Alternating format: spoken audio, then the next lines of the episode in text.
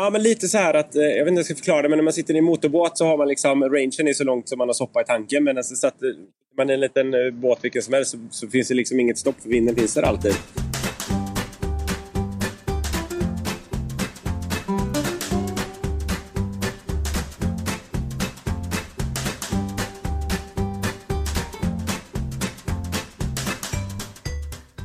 Då sitter vi här igen och otroligt nog så sitter vi och pratar med ett par i Haiti, eller Tahiti igen. Inte Haiti, Tahiti. Och eh, välkommen Lisa och Oskar till Sjölivets podcast. Tack så hjärtligt. Tack så mycket. Eh, som jag sa innan, nu, nu är ni tredje på raken som vi pratar med från samma ställe och på, ni sitter i samma byggnad också som eh, Aloha Sailing och eh, Astrid på Vift satt på när jag intervjuade dem. Så, men ni får gärna berätta, vem är ni? Och lite så här, vart är ni? Eh, ja, vi är ju ett eh, par då från eh, Lysekil eh, som seglade iväg lämnade Sverige 6 augusti förra året. 2017. Ja. Eh, Ja. Nu är vi på, i franska Polynesien som du sa, på Tahiti. Ja. Inte att förblandas med Haiti som ligger i Karibien. Då. Nej. Men eh, då har ni kommit rätt långt på, man jämför med andra som, alltså på relativt snabb, ni har seglat på rätt bra alltså. Alltså vi, eh, det- det kan man ju säga och det beror lite på eh, hur man är som seglare. Men vi har planerat att segla jorden runt på tre år. Eh, av många orsaker men framförallt av ekonomiska skäl. Att vi ska liksom få ihop vår budget och vår resa. Ja. Och på tre år, ska man hinna jorden runt på tre år då får man ha en, liksom en viss fart. Men samtidigt så tycker jag att vi, har inte, vi går inte för fort fram. Jag tycker vi hinner se otroligt mycket och uppleva väldigt mycket ändå på de ställen vi varit hittills. Så att, eh, vi tycker det är en lagom takt för vår del i alla fall. Vi ville ju väldigt gärna just hit också så det är gott att ha kommit hit ganska snabbt så har man mer tid i denna delen. Ja, ja. Men eh, ni stack ju iväg, men må, vad är det för båt ni har som ni åker med? Vi seglar en eh, Chanot Sun Odyssey 45. Okej. Så ni har gott om plats i, för er två i den där, kan jag tänka mig. Ja, det, det kan man tycka, men eh, ska jag vara helt ärlig så har vi... det, ja, men alltså, den, våran båt vi har, den, den passar oss med de förutsättningar vi hade eh, och liksom hitta den här båten och sådär. va. Men den är, den är lite byggd för att vara många personer ombord och kanske inte så mycket bra stuvutrymmen och den sortens eh, saker som man kanske skulle vilja egentligen se på en, en långfärdsbåt. Men nog väl så är den skapligt lätt att segla fort och, och funka för oss. Så att, eh, Ja, det funkar jättebra. Men nu, det glömde jag faktiskt fråga er, men har ni, är ni ju själv uppväxta på, på sjön? Är ni ju själv så här, vana sjöben från eh, barnsbenen när ni växte upp? Ja, eh, sjön är man ju van vid. Eh, Ja. vi, vår familj har alltid haft mindre motorbåtar så det är mera ut på holmar och hummerfiske och sånt som man är van vid. Eh, inte segling. Det har jag bara gjort ett par gånger innan vi, vi åkte. Eh, men Oskar är ju riktig eh, seglare från barnsben. Ja, vi båda, jag kan väl säga det, vi båda är ju födda på liksom, västkustens eh, Perra, Lysekil. Eh, vi, har, vi båda, jag och Lisa, under vår uppväxt har vi haft nära till havet och, och liksom sjölivet och allt det där. Sen kanske jag har varit den som haft segling med mig från, från när jag var liten och började med jollesegling när man var fem bast eller sånt där. Men det- vi har väl lite olika... Du hade ju inte så jättemycket seglingserfarenhet när vi gav oss iväg. Nej, nej det hade jag inte. Men, men det kommer man in i ganska fort. Eh, så, så länge man gillar havet så, så löser sig seglingen fint. Det är inte så svårt att segla. nej. Nej. Det, det är, eh, jag, jag tror säkert att många som kan hålla med om det här som har varit på en eller annan långsegling själv innan att seglingen är den eh, lättaste biten av eh, en långsegling. Det är inte det som är det komplicerade, det är så mycket annat. Ja. Men, men hur, hur var det då? Vad, eh, vem av er hade drömmen eller kläckte idén att ni skulle segla jorden runt då? det var, eh, det var eh, Oskar eh, ganska, ganska fort efter att vi hade träffats så pratade han om detta. Eh, just segla jorden runt och jag jag har ju alltid velat resa mycket och gärna velat bo utomlands och se så mycket som möjligt. Så det var ju perfekt med en, med en båt. Där man liksom hade fortfarande hemmet där och så. så att, eh, ja, det var Oskars idé men eh, det blev båda väldigt fort. Jag, jag knäckte det redan på andra dejten och eh, på den vägen är det. Men, men, men hur, hur kommer det sig att du då Oskar hade den, den idén då? Var, var kom den ifrån? Ja, alltså jag, jag vågar inte riktigt egentligen svara på det, men den här idén har funnits sedan jag var... Alltså, jag tror det var sedan jag satt i optimistjollen i viken hemma och liksom... eh, Bara, wow, det här, när det man- här kan man göra. Nej, men lite så här att, eh, jag vet inte hur jag ska förklara det, men när man sitter i en motorbåt så har man liksom, rangen är så långt som man har soppa i tanken. Men alltså, så att eh, man är en liten båt vilken som helst så, så finns det liksom inget stopp för vinden finns där alltid. Ja. Och det var nog där drömmen föddes, att liksom bortom horisonten, liksom, vad finns det där och kan man fortsätta och sådär. Och sen har jag alltid varit intresserad av långsegling under hela mitt liv. Och faktiskt, jag har gjort en del långseglingar tidigare innan jag och Lisa gav oss iväg också. Så att, Okej. ehm, det, har liksom varit ett intresse länge. Väldigt tryggt. Men, men vart bar de iväg då Oskar? Vad hade du seglat förut, förut någonstans då? Ja, alltså, jag, för några år sedan så eh, deltog jag i en segling tillsammans med en kompis som vi seglade från eh, Chile och runt hornet upp över eh, Sydamerika över till eh, Kap Verde. Eh, vi seglade hem en båt eh, därifrån. Då, så att det, var, det var på den vägen det var. Okej. Men, eh, och sen slutligen då så fick ni det här eh, att ni kom iväg då. Men hur, hur var det att komma iväg då? Alltså, kom ni iväg, eller var det, eller ni kom ju iväg uppenbarligen, men hur, eh, hur, hur var förberedelserna då? Fick ni lämna saker och ting att göra, att, att göra listan på vägen när ni åkte eller hade ni med allting? Vi fick väl ihop det, det mesta som vi liksom hade tänkt det viktigaste, viktigaste. Och renoverat. Vi höll ju på otroligt mycket under kort tid och så jobbar vi ända tills, jag tror veckan innan vi vi stack. Ja. Jag jobbar väl kanske två veckor, till två veckor innan vi åkte och Oskar till ja, några dagar innan. Alltså, vi, vi gav oss iväg på en söndag tror jag va? och jag hade mitt sista arbetsmöte på fredagen. Så att, eh, det, var, det var dagar den lång. Men det, det gick ändå enligt, eh, enligt plan. Vi flyttade väl dag, datumet ett par gånger men det var inte många dagars skillnad. Så Nej. det, Nej, för vi, jag tror vi var noga med det att sätta en eh, tidsrange från början. Att vi skulle liksom ge oss iväg i augusti 2017. Det bestämde vi redan från början när vi satte det här projektet i, eh, liksom, i start. Ja. Och, eh, sen så som Lisa nämnde där, vi, vi flyttade kanske någon dag liksom, framåt eller två eller så där, vad det blev i slutändan. Men vi höll oss till det och det är vi nog väldigt glada för. För jag tror att gör man det så, så har man sin, sin liksom, tidslucka där man måste hinna göra allting som ska göras. Och sen tror jag inte det finns en långseglare i världen som har varit klar med allt när man lämnar Sverige. Men vi Nej. var klara med allt allt som var viktigast och det, det var bara smågrejer kvar på slutet. Var inget som vi inte har hunnit göra efteråt eller eh, sådär. Så att, eh, det lirar rätt bra faktiskt. Men, men det är rätt intressant, ni ser ju det här projektet som det är att dra igång och, och man ser från att man planerar och sitter där och kan tänka mig, man sitter kanske hemma och småchattrar och, och sen successivt så växer den här lilla Oscars idé då kanske till din också Lisas och sen har han övertalat. Nej men alltså det, det växer ju successivt fram va. Men, men hur, eh, hur var det, alltså det här projektet, hur, hur, hur var det att dra igång? Hur länge höll ni på från egentligen, man ska säga? Finns det någon tydlig start där ni verkligen började projektet? Där, och hur gick det? Eh, egentligen, ja, men egent, egentligen från Oskar, du får nog ta om det där för du försvann lite där. Ja, men egentligen från det att vi planerade för vår eh, segling så började vi egentligen kolla på båt nästan i första perioden. Och planen var för oss eh, av Hallå? billigt som möjligt. Det är den båten vi, vi har Hallå? nu som var i ett riktigt. Eh, stod på land i Italien med som knappt en mast på ungefär.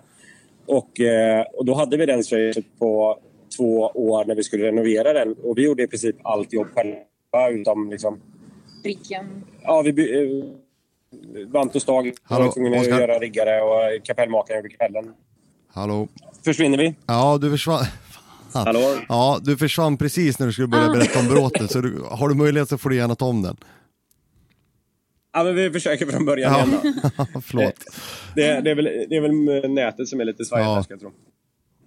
Ja, jag ska se var jag, var, jag, var, jag, var jag var någonstans när jag började Ja, men- prata om detta. Börja med eh, eh, där, när du gick in på båten, när ni letade efter båten. Det var där du precis då Just började det. balla ur. Då kör vi. Eh, egentligen från eh, att vi hade planerat våran... Alltså i, i första stadiet att vi skulle åka så började vi kolla på båt direkt. Och vårt mål var att hitta en båt i så dålig skick som möjligt med då såklart det, det bästa priset som möjligt. Ja. Eh, och, ehm, Men var det, var, hittade det, var, var det ett skäl för att få ner, alltså, hålla ner budgeten då? För att hitta den, man ser,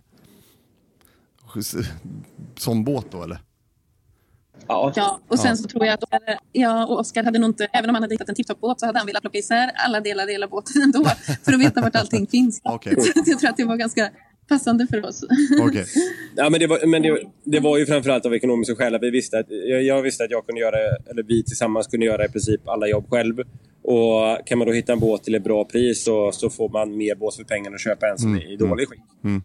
Så vi, vi hittade i alla fall eh, våran båt i Italien. Med, ja, den stod på land. Den har inte varit i sjön på fyra år och var i ja, väldigt, väldigt dålig skick. Och vi tog hem den och sen renoverade vi i två år. Dag och natt, varenda helg, varenda kväll efter jobbet i, i två år och, innan vi kom iväg. Så att jag menar, de sakerna som inte var klara, det var bara små bagateller i förhållande till allt annat som vi gjort på den där båten.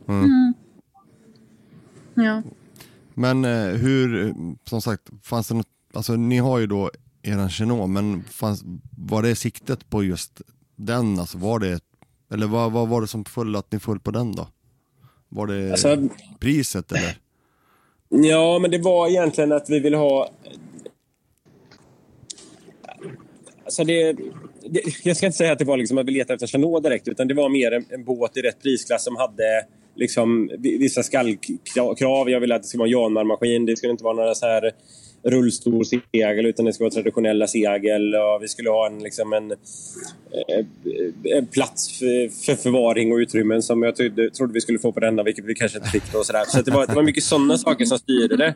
Sen att det blev just den här Chanon, det, det är mer en tillfällighet än något annat. Ja. Vi kollade ju på flera båtar också så att det, det blev ju den här som, som passade bäst för den hade ju ändå lite, alltså, den hade ju watermaker och viss, viss utrustning innan så som, Ja, vi, okej. som var väldigt värdefullt. Ja, Eh, och sen kollade vi på, naturligtvis i första hand på båt i Sverige, men vi, vi lyckades inte riktigt hitta vad vi letade efter eh, hemma. Så att det blev utomlands istället. Men eh, det gick bra det med. men hur var hemseglingen då? Och plockade man från Frankrike? då? Ja, alltså vi hade ju... Eh, ja, det var ju en eh, himla resa det där. Vi, hade, vi kunde inte riktigt eh, segla med Genuan för, vi, för hela rullen var ju helt ihoprostad. Så vi fick Oj. eh, segla på bara, eh, på bara ett halvt storsegel för storseglet var trasigt. Och så hade vi väl, ja, vi hade väl eh, 60 knops vind och, och enorma dyningar. Så det var liksom ingen trevlig segling. Men vi kom i alla fall till Frankrike. Eh, och där, vi kunde liksom inte segla den Atlantvägen ut så att vi var tvungna att ta på lastbil upp till Tyskland och därifrån gick vi för eh, maskinen till Sverige. Då. Mm, Okej. Masten kom på lastbil. Så det, mhm. Vi var tvungna att ta ner masten med vinkelkap för det gick inte, det gick liksom inte att få, tillbaka, eller få ner den annars. Så att, eh, det var lite svårt att sätta tillbaka den efteråt. jaha, oj fasen. Men, Han har rostat fast då eller? Alltså bandskruvarna satt eh, så hårt så att det, det, var, det hade nypt åt allt som var där. Så att, eh, Jaha, ja, det fick bli, och då var vi tvungna att byta alla vant och stag. Då ville vi inte göra det i Tyskland, vi ville göra det hemma. Så att, eh, då fick vi ta masten på lastbil istället. wow. Ja, det är Ja. bra. Så kan det gå om man köper en eh, dålig båt. Då var man lite skeptisk. För vad, vad sjutton är det här verkligen något vi kommer kunna på två år? men, eh, men det gick. Ja, ja det är bra. Men, men eh, om man går tillbaka till det här med, med, med valet av båt, eller ni, ni valde ju båten och, och ekonomin. Får man fråga budgeten som ni har satt på det här? Hur, hur, jobbar, hur, hur har ni satt budgeten och hur ser ni kring det då? Eh, ja, vi har ju sagt en eh, budget som Ja. är... Eh, ja, det blir ju totalt 20 000 i månaden på både underhåll, mat, allt, allt då. Eh, ska ingå där. Sen är väl det mindre lätt då och då. Ja. Det, det kostar mycket med båt har man märkt. Minsta lilla sak som händer så är det ju det är ju inte hundralappar precis. Nej. Utan det, det är en tajt budget. Ja. Ja, vi, ha, vi, ha, vi hade lite otur med vissa lite större grejer som har gått sönder för oss. Så att nu har vi legat lite över i budget tyvärr. Då, men eh, ja, det, det är så det blir när man eh, på segelturer.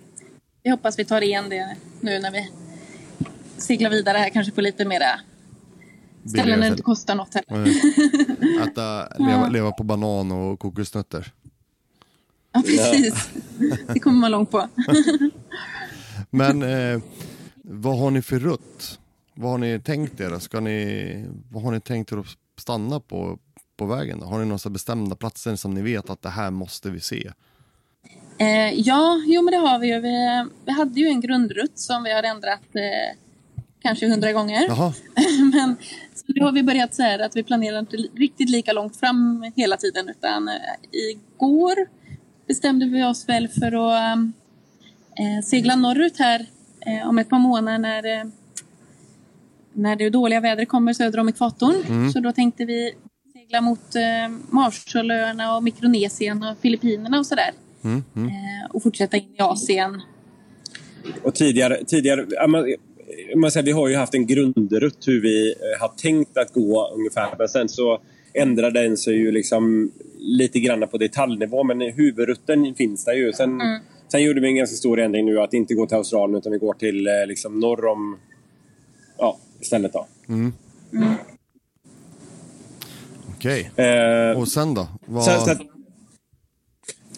ja, sen, blir det, sen blir det Filippinerna nu då, Sydostasien, eh, Indosoceanen ner till Madagaskar, runda Sydafrika.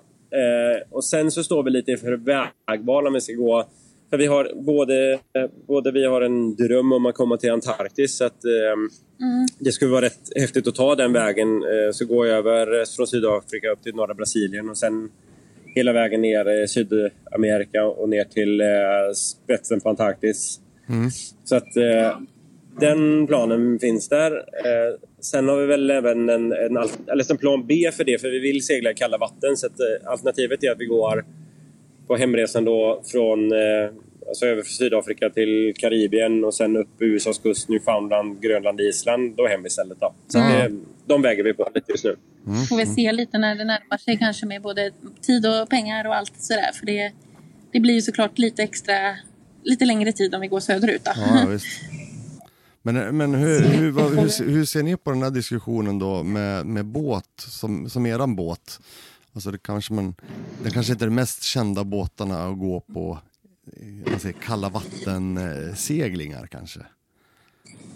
Fast, ja, och det, det är helt riktigt. Men eh, jag hör ofta den där diskussionen att man ska ha en rassel när jag för segla jorden runt. Och det, är väl, det skulle vara drömmen för även oss såklart. Men eh, eh, inte för att våran båt är dålig, men det finns såklart väldigt mycket bättre eh, och mer välbyggda och tryggare båtar. Bättre anpassade båtar för långsegling. Ja. Såklart.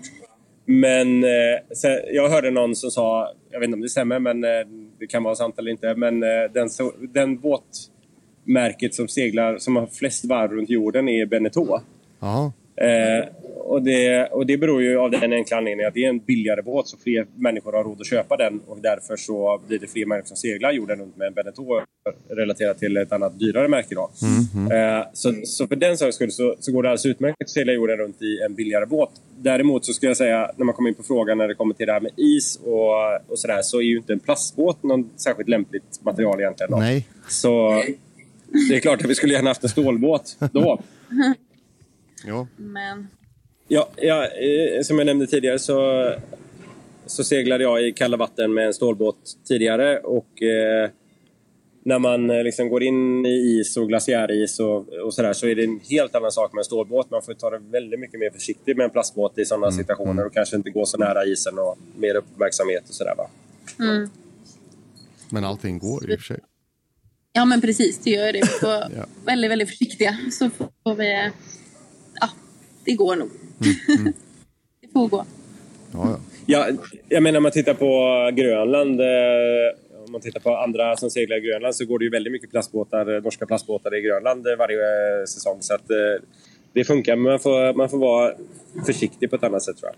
Man får ett annat, annat, annat tänk egentligen och bara se till att man har koll på vad man gör. Ja, jag tror, jag tror kanske inte man lägger maskin på 2500 varv och bara trycker sig rätt in i isen med en Chanot. Det, skulle, det är nog ingen bra idé. Nej, det har ingen lust att testa heller. Det ska man kanske inte göra med... Ja, man kanske inte ska göra det med Alberasse heller, men har man en eh, stålbåt med eh, fartygsstål så, så klarar den ju enormt mycket. Så det är ju en annan... Det är olika saker såklart. Ja. Men eh, ni ska inte göra som många andra då, åka till eh, Australien och lägga båten där till försäljning och skaffa en ny då? Nej. Nej, Nej. nej vi gillar alpbåten. Den, den funkar bra. Det- Man vill alltid ha annat men eh, jag tycker, jag som inte har sett så många segelbåtar och så, jag tycker den är jätte, det funkar jättebra och vi seglar ju bra och det går ganska fort. Och det är ändå viktigt också. Ja. Ja, och det är vårt hem. Liksom. Jag, jag ska nog säga så här att eh, skulle vi... Jag tror inte att vi skulle liksom byta båt. Vi, vi är nog rätt generellt hyfsat nöjda med det vi har. Men med, med våra förutsättningar såklart. Så att, eh, sen så kanske man skulle som sagt vilja ha en stålbåt när man kommer till isen. Men det är liksom, man kan ju inte få allt på en gång. Nej, så är det ju. Nå- någonting måste man ju dra på, kompromissa på ju, så är det ju. Ja, för det, det, är nog inte, så- det är inte jättekul att segla med stålbåt här då, när man inte har så starka vindar och så ligger man och, och liksom glider i två och en halv knop. Då är inte det heller så kul. Så Nej. att, eh, på overall så tror jag nog det är rätt bra med en eh, hyfsat eh, mellanlätt båt i alla fall. Ibland. Men, men vad har ni för tänkt för, eh, man säger, vad, vad önskar ni få, få ut av den här eh, treårsresan då, som ni gör? Är det något speciellt ni är ute efter? Så här, koppla bort från alltihopa, minimalismen eller har ni något annat sånt där som ni känner så här, det här har ni största förväntningar på? Nej, men det är väl just det, alltså att man, det är väldigt, väldigt skönt att märka att man kan leva så enkelt men ändå så bra. Eh, man kan se så himla mycket, mycket platser och så som man inte ens visste fanns. Eh, och man lär sig ju väldigt mycket på vägen. Eh, och det kommer ju verkligen vara något man ett minne för livet. Och Oskar säger ju hela tiden där nästa gång vi seglar jorden runt. För man hinner liksom inte så mycket som man tror på tre år. Utan det är nästa gång vi seglar så ska vi ha den båten och då ska vi åka till den ön och sådär. Men eh, vi får se hur det blir. Men, Eh, men det känns som att det är... Ja. Det är nog mycket man kommer ta med sig. Hur tror ni? Det är en- ja. Jag tänkte säga för alla er som eh, lyssnar på det här som är intresserade av långsegling och drömmer om att göra det en vacker dag så kan vi jag tror vi båda håller med om det. Att det, vi, vi rekommenderar det varmt. Det är ett fantastiskt sätt att leva och man upplever så mycket liksom, spännande och roligt och man träffar så mycket fantastiska människor, både seglare och, och liksom bofasta på de platserna man kommer till. Så det, är- det är bara liksom ett fantastiskt sätt att leva. Eh, Så att, eh, ja, vi trivs väldigt bra med det. Ja, och det är väldigt bra också som ett par. Så här, det funkar ju säkert jättebra med kompisar och så, men det känns som att man kommer varandra väldigt, väldigt nära och man lär ju känna varandra väldigt bra. Eh, så det, det, Relationer ombord. det är den frågan man Ja, men den frågan är nästan den man får eh, oftast nu. Vi har varit hemma en liten sväng här på, eh, för ett bröllop och då alla frågar ju hur, hur orkar ni med varandra dygnet runt liksom? Men det, det är liksom inte... Det är tur att vi inte känner så. Det, Ja. det var tomt när man kom hem och inte den andra var där. Mm, mm, mm. Så det, Så det det är nog väldigt, väldigt bra för ett förhållande. kanske kan vara bra då. Som, vad var det, Ran Sailing, Johan och Malin tror jag, de hade ju bara dejtat en liten kort stund och sen var det väl bara någon månad efter det så var väl planen igång på att de skulle sticka iväg. Ja, Ja, det är ungefär samma för oss. Då. Ja. Precis, perfekt. Kan man ha som så här första dejtgrej då? Ja, men jag, jag tror vi väntar till andra dejten innan vi tar ut den här grejen. Okej. ja kanske. Ja. Bra raggningsreplik då. Ska vi jorden runt eller? Ja, precis. Ja, ja. Ja, det, Ja, det funkar ju uppenbarligen. ja, uppenbarligen gör det ju det. Två stycken som har det funkar bra för. Ja, härligt. Men ni, ert projekt det här som ni har, och det är väl egentligen, vad är det då, SY Hilma va? Eller Hil, eh, Hilma Sailing va? Nu får ni rätta mig om jag har fel. Ni finns ju, ni får ju Ja, faktiskt eh, berätta. hem, ja, hemsidan eh, den eh, är sy-hilma.com men som du nämnde där, Hilma Sailing heter vi på Youtube då. Som, eh, så för er som är intresserade av att se vad vi håller på med och hur vi lever och hur det är att vara på långsegling så kan jag varmt rekommendera att eh, ta en titt på vårt Youtube-konto. Där finns det 24 filmer nu va? Nej, 24 upp, ladd- ska vi ladda upp alldeles snart. Ja, så 23 då finns 23. det. Up ja. ja. Och hur, Eh, hur, går det, och, hur går det då? eh, Tittar ni på Med, filmer får ni gärna ge en like. ja men definitivt. Vi kommer länka det till, eh, länka också till, eh, till eran eh, Youtube och eran sida såklart. ja. Men hur går det med den då? Yo- Youtube-kanalen då? Alltså, jag kan ju, jag vet inte, men eh, är det, ett- är det ett skönt break från vardagen på något sätt och vis och, och göra de här filmerna? Alltså det är... ehm, vi ligger oftast eh, lite långt efter. Jag tror nu gjorde vi Panama-filmen här klart igår. Ja.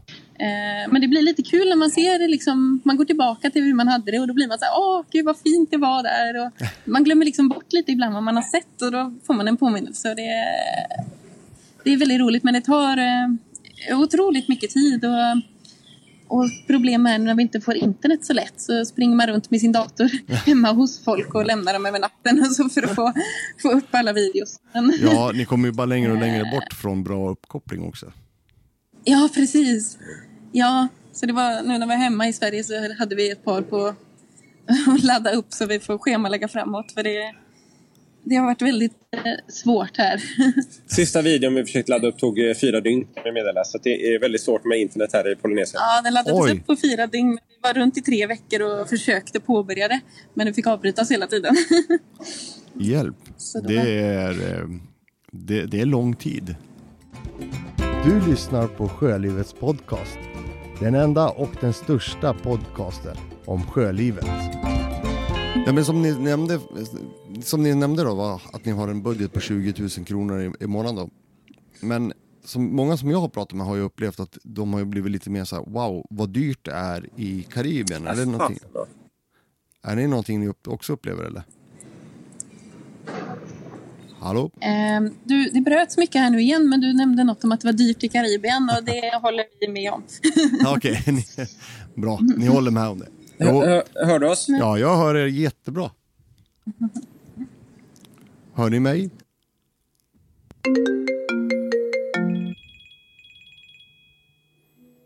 Halloj!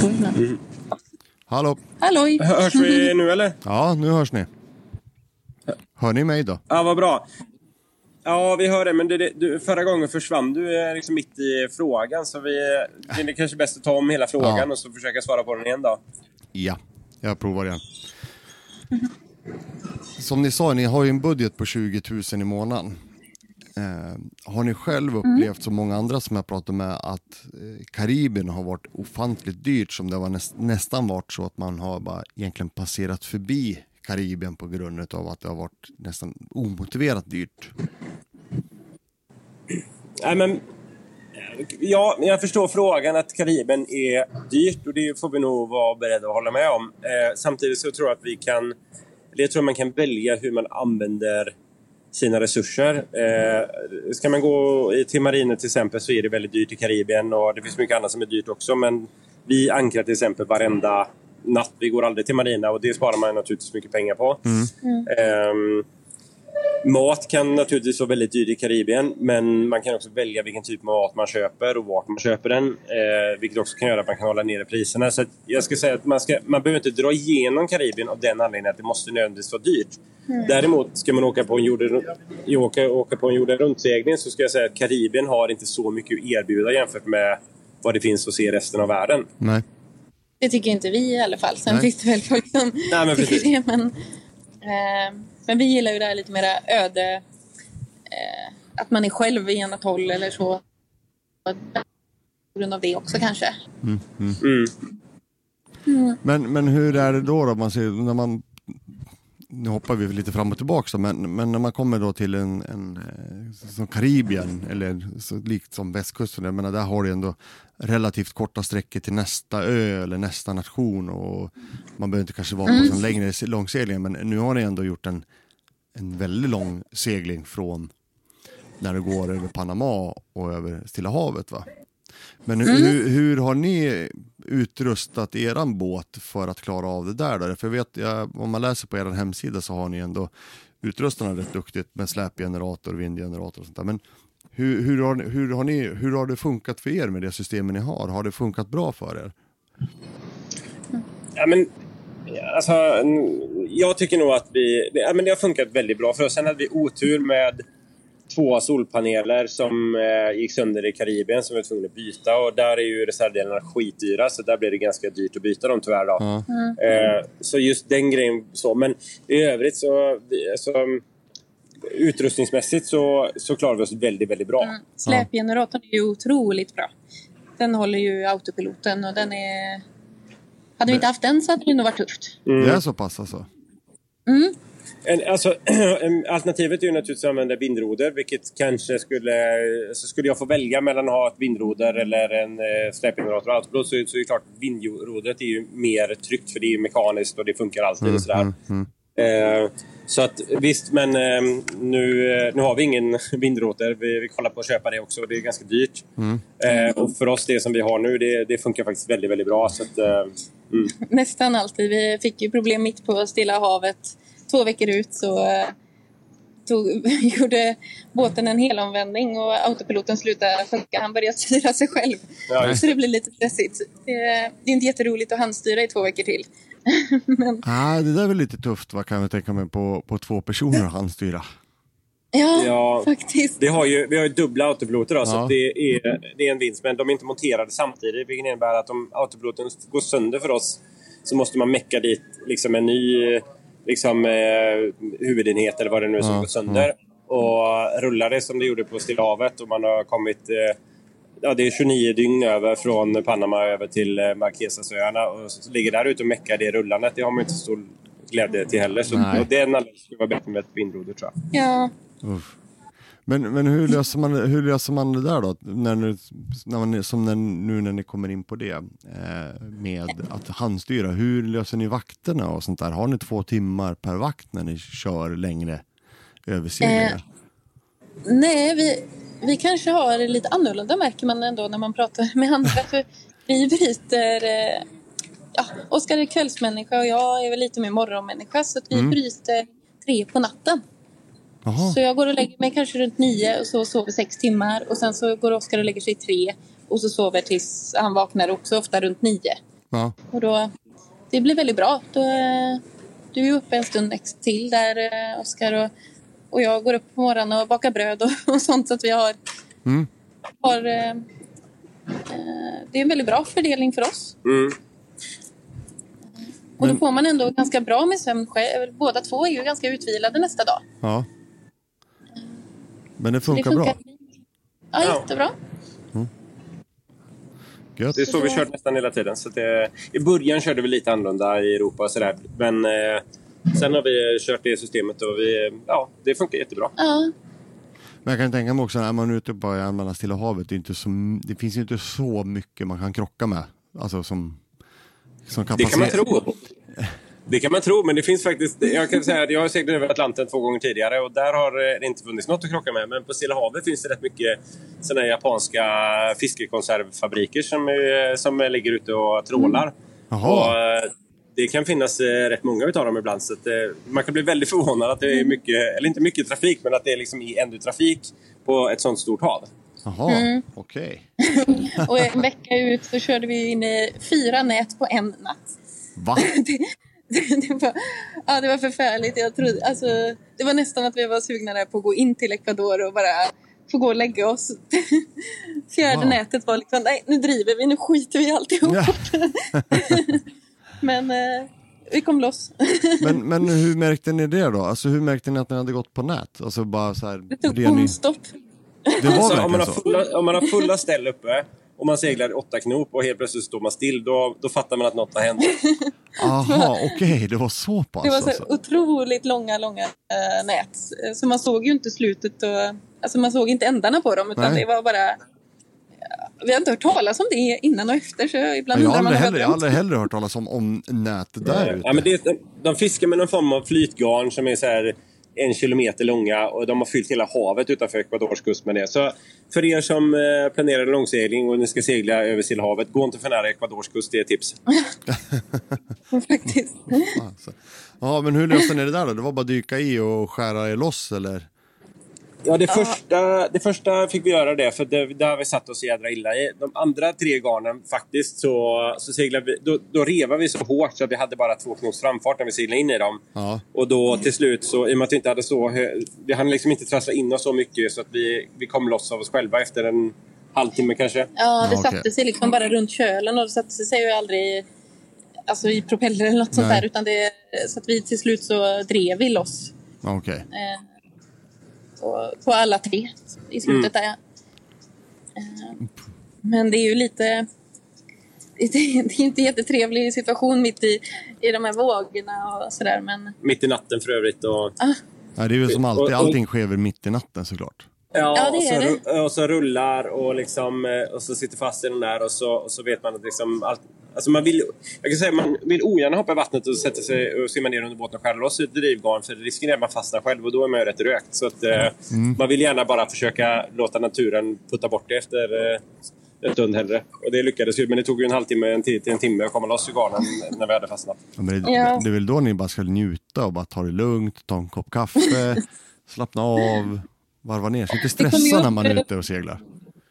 Ja, men det kom ju varje gång vi fastnade i ett nät så var det ju någon som hade hand om det nätet. Så det kom ju med folk också som blev lite förbannade på oss för att vi, Jaha. de var ju rädda om vi förstörde nätena. Jaha. Eh, och så frågade vi så vilket håll kan vi segla åt? Vart är inte nät? Men då, det var ju åt alla håll så att det var ju liksom bara tur och träff. Aj, aj, aj.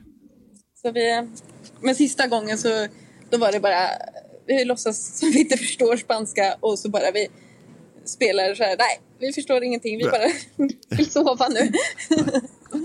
Alltså, sista gången vi fastnade då sa jag till de fiskarna som kom upp att eh, manana sa jag bara och sen så gick jag och la mig i sittbrunn och vi låg och gungade så fasen i deras garn.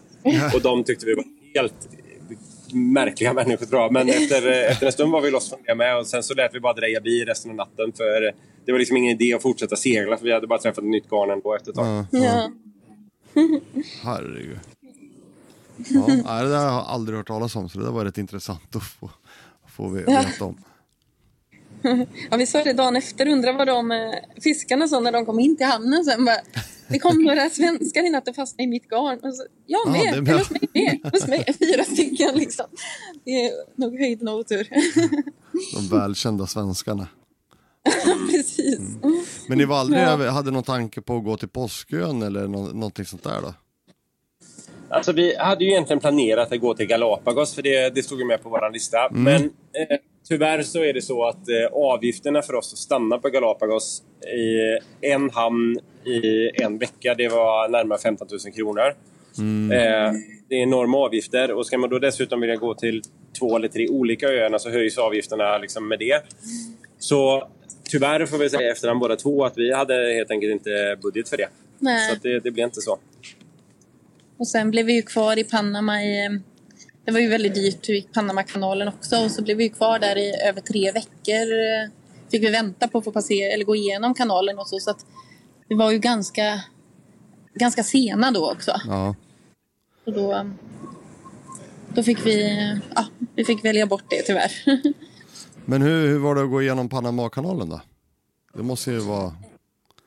Alltså det är ju Jo, en det var- fantastiskt stor system. Ja, det är det verkligen. Eh, vi, vi visade faktiskt eh, våran, eh, vad heter det, pilot, eh, en video från Kielkanalen för vi tyckte de gjorde det så omständigt för sig. så vi, man ska binda ihop sig med andra båtar och Ja. det är väldigt riskabelt liksom och Ja, lite visst. läskigt så. Så bara, varför kan ni inte bara lägga flytpontoner som i, i Kielkanalen? så, så vi visade eh, video för honom och han tyckte ju det, det såg ju väldigt mycket smidigare ut. Ja. ja, Okej, så det är snart då? Men det är väl för lite, segelbåtarna står för lite inkomst för dem så att de eh, bryr sig nog inte så mycket om våra, om det blir omständigt för dem kanske. Men vad, vad Det är en kost... väldigt byråkratisk. Jag tänkte säga, det är en väldigt byråkratisk process att ta sig igenom Panamakanalen. Dels eh, liksom att det är mycket avgifter, men det är väldigt mycket paperwork liksom helt i onödan. Och dessutom så ska man ha lots med sig och man ska ha line handlers. Och det, är så, det är bara ett stort projekt. Ja. Och då kan man tycka, liksom, om man är van att gå i kanal i Europa så är det väldigt enkelt. Det är liksom en sluss in och ut och så är det bra med det. Liksom. Ja. Så de gör det väldigt komplicerat för sig. Så den anledningen så, så det är en upplevelse att gå igenom där men det är kanske inte någonting man vill göra var och varannan dag. Men vad kostar det att gå igenom Panama-kanalerna? Eh, detta skrev jag i videon igår. Det var 1709 dollar för att bara liksom gå igenom, eller Wow. kostnaderna för att passera. Ja, men med alla avgifter med det liksom sailing permits och alltihopa också. Ja, precis. Eh, så det är, fem, vad är det, 15 000 ungefär. Mm. Sen så, det, det är sen rätt såklart, maffigt. ja, jo det är det ju. Sen tillkommer ju alltid så här mindre kostnader som eh, om man nu måste ligga i marinan för det. eller Om eh, eh, ah, sex man ombord ska mat i två dagar, tre varma rätter var det va. Så att Ja. Det är sådana småsummor som tillkommer men det blir ju, det sticker iväg ändå. Ja, ni måste stå för maten på de pilotsen eller? Ja, och eh, linehandlers såklart då. Jaha. Nu hade vi tur för vi träffade våra goda vänner på en svensk båt, eh, Ronja, i, i Panama. Så att de var, hjälpte oss som linehandlers genom eh, kanalen. Så det var ju väldigt förmånligt för oss. Ja. Eh, så att vi betala för det då. Men eh, om man inte känner någon eller liksom sådär så måste man ju betala för linehandlers av eh, kanalbolaget. Oj då. Ja, ja precis. Så där hade det ju gått 100, vad var det, 100 dollar till per person. Per Person. Oh, wow. Så det, det, är, det är väldigt mycket, det är mycket olika pengar. kostnader. Ja, verkligen. Men hade ni med dem, hade, visste ni om de siffrorna redan då när ni, när ni stack iväg? Att det var, att det var de här Eh, ja. avgifterna eller? Ja, fast egentligen... Ja, det visste, vi väl, ja, det visste vi på ett sätt. Men å andra sidan hade vi inte tänkt gå igenom. För att vi hade ju egentligen tänkt planera... Eller ursprungsrutten var ju planerad att runda Sydamerika. Så därför hade vi inte riktigt eh, tänkt så mycket över det. Sen la vi om rutten att, eh, av tidsskäl faktiskt. För att det blev... Vi skulle behöva vara så länge i Sydamerika för att träffa säsongen eh, runt Cap Horn annars. Så att, eh, då blev det Panam- Panamakanalen för oss då. Men eh, annars hade vi ju inte behövt betala den. Men vad, vad tror ni själv då? Vi ska väl snart börja avrunda, men vad tror ni själv då i... Vad, vad, vad, kommer ni få, tror ni själv att ni kommer få ut av den här resan när ni står på svensk mark igen där hemma? Vad, vad tror ni kommer eh, bära med er mest av? Alltså, om jag ska svara på den här frågan så, så frågar man om såna här praktiska saker, hur en båt funkar eller hur man kopplar in solpaneler vad det kan vara. Det är väldigt så här, påtagligt, det är liksom en fast fråga. När de kommer på mjuka frågor är det ganska komplicerat att svara på vad man egentligen får ut av någonting. Men jag tror någonstans att man, framförallt så är det liksom minnen för livet som vi, som vi liksom får under den här tiden. Och någonstans så handlar väl livet om att uppleva och göra saker som man liksom minns när man blir gammal på något sätt. Så att, eh, ja, det är väl så det är. Ja, jag tror det. Jag tror att man, eh, man eh, kommer in i... Jag hoppas att man kommer hålla kvar där, att man blir lite lugn, lugnare. Man blir så lätt uppstressad märker man när man är hemma ibland. Och så där. Så att nu har man kommit in i lite mera... Alltså tar dagen som den kommer. Och det är ju väldigt behagligt Ja. för en själv eller så. Så hoppas man kan ha kvar ändå lite, lite det. Och sen, sen kanske också, jag menar det här med problemlösning. Att långsegla handlar om att problemlösa sig dagarna igenom. Allt, alla, liksom, med allt som går sönder och, och allt man ska göra och uträtta och sådär. Så mycket sånt där tror jag man har med sig. Och också ja, men det här med kanske teamwork också. Vi, ja, vi jobbar ju jättebra ihop. eh, Med, liksom, vi tar ansvar för olika områden och vi hjälps åt när vi behöver. Och det är också en sån där sak som man kanske lär sig bättre av på något sätt. Bra, bra. Men är det någonting, är det någonting som jag har missat fråga er så får ni gärna ta det nu. Som ni vill Ehm. pusha på eller ta upp som ni tycker att det där måste vi, vi höra eller berätta om. Alltså, det, det finns, jag, jag tror det finns väldigt mycket erfarenhet som man ska kunna dela med sig men Då, då blir det nästan ett nytt avsnitt till. Men om man tänker sig, eh, om, man säger, den, om det finns några lyssnare som lyssnar på det här som är intresserade av långsegling själv så, så finns det några så bra lärdomar man kan tänka på. Och det ena är att se till att man och så har man en budget för med så mycket pengar man har så ska man se till att inte köpa en båt som eh, som kostar för mycket. För att oavsett vilken båt man köper får man nästan lägga dubbelt med pengar när man ska hålla på och utrusta den och renovera den innan man åker. För det, om man inte köper en helt ny Albrass eller vad det kan vara. Eh, så det är väl en lärdom som vi kanske... Våra renoveringar blev dyrare än vi trodde. jag tror också många frågar oss om det här med, liksom, mm, vi var inne på det här med elförbrukning och Mm, liksom, sådana saker. Och ett tips där det är att eh, solceller är väldigt billigt att köpa och fungerar väldigt väl. Så kan man sätta på solceller så gör det och sätt på dubbelt så många som man tror att man behöver. Och gör det i Sverige innan det blir så dyrt sen. Ja.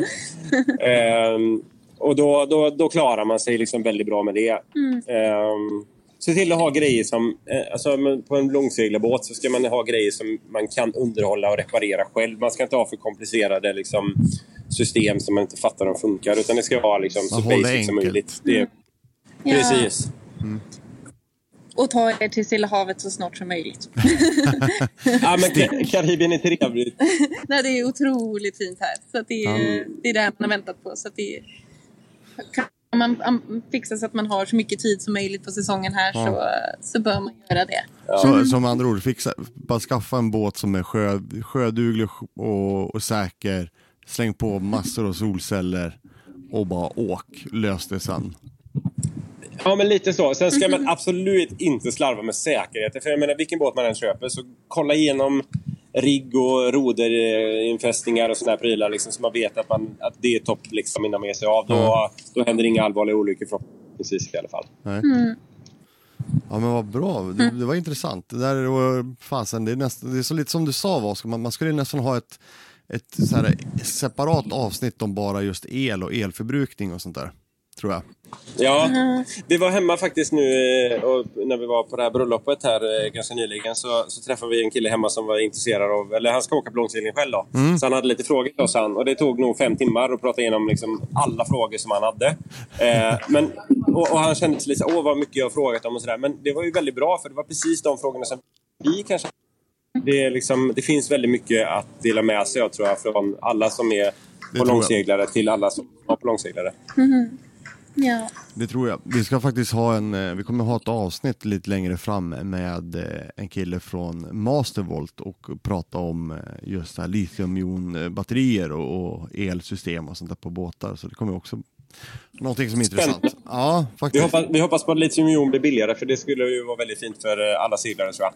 Ja, men det tror jag med. Det, det var faktiskt, eh, pratade lite med honom på mässan och det var jäkligt intressant att höra hur, hur effektiva de där batterierna är och hur det funkar. Så, um, mm. så det är kanske någonting man ska uppdatera sig till.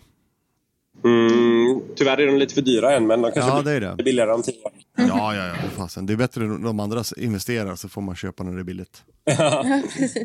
Så är det. Men eh, jag måste bara säga tusen tack för att jag fick ringa upp er och eh, lycka till i framtiden med er segling. Och hoppas tack att ni får prova på nu en sån här riktig issegling här nu då. Ja, tack så hjärtligt. Ja, tack så hjärtligt för att vi fick vara med och eh, återigen vi slår ett varmt slag för vår Youtube-kanal. När vi går in på den, eh, typa in Hilma Sailing på Youtube så, så hittar ni oss. Mm. Toppen. Tack så mycket och ha det bra. Tack så mycket. Ha det gott. Benny. Ha det gott. Fint. Hej. Hej då. Vill du se filmer, bilder och läsa mer information om det vi pratar om i podden? Besök oss gärna på www.sjölivet.se.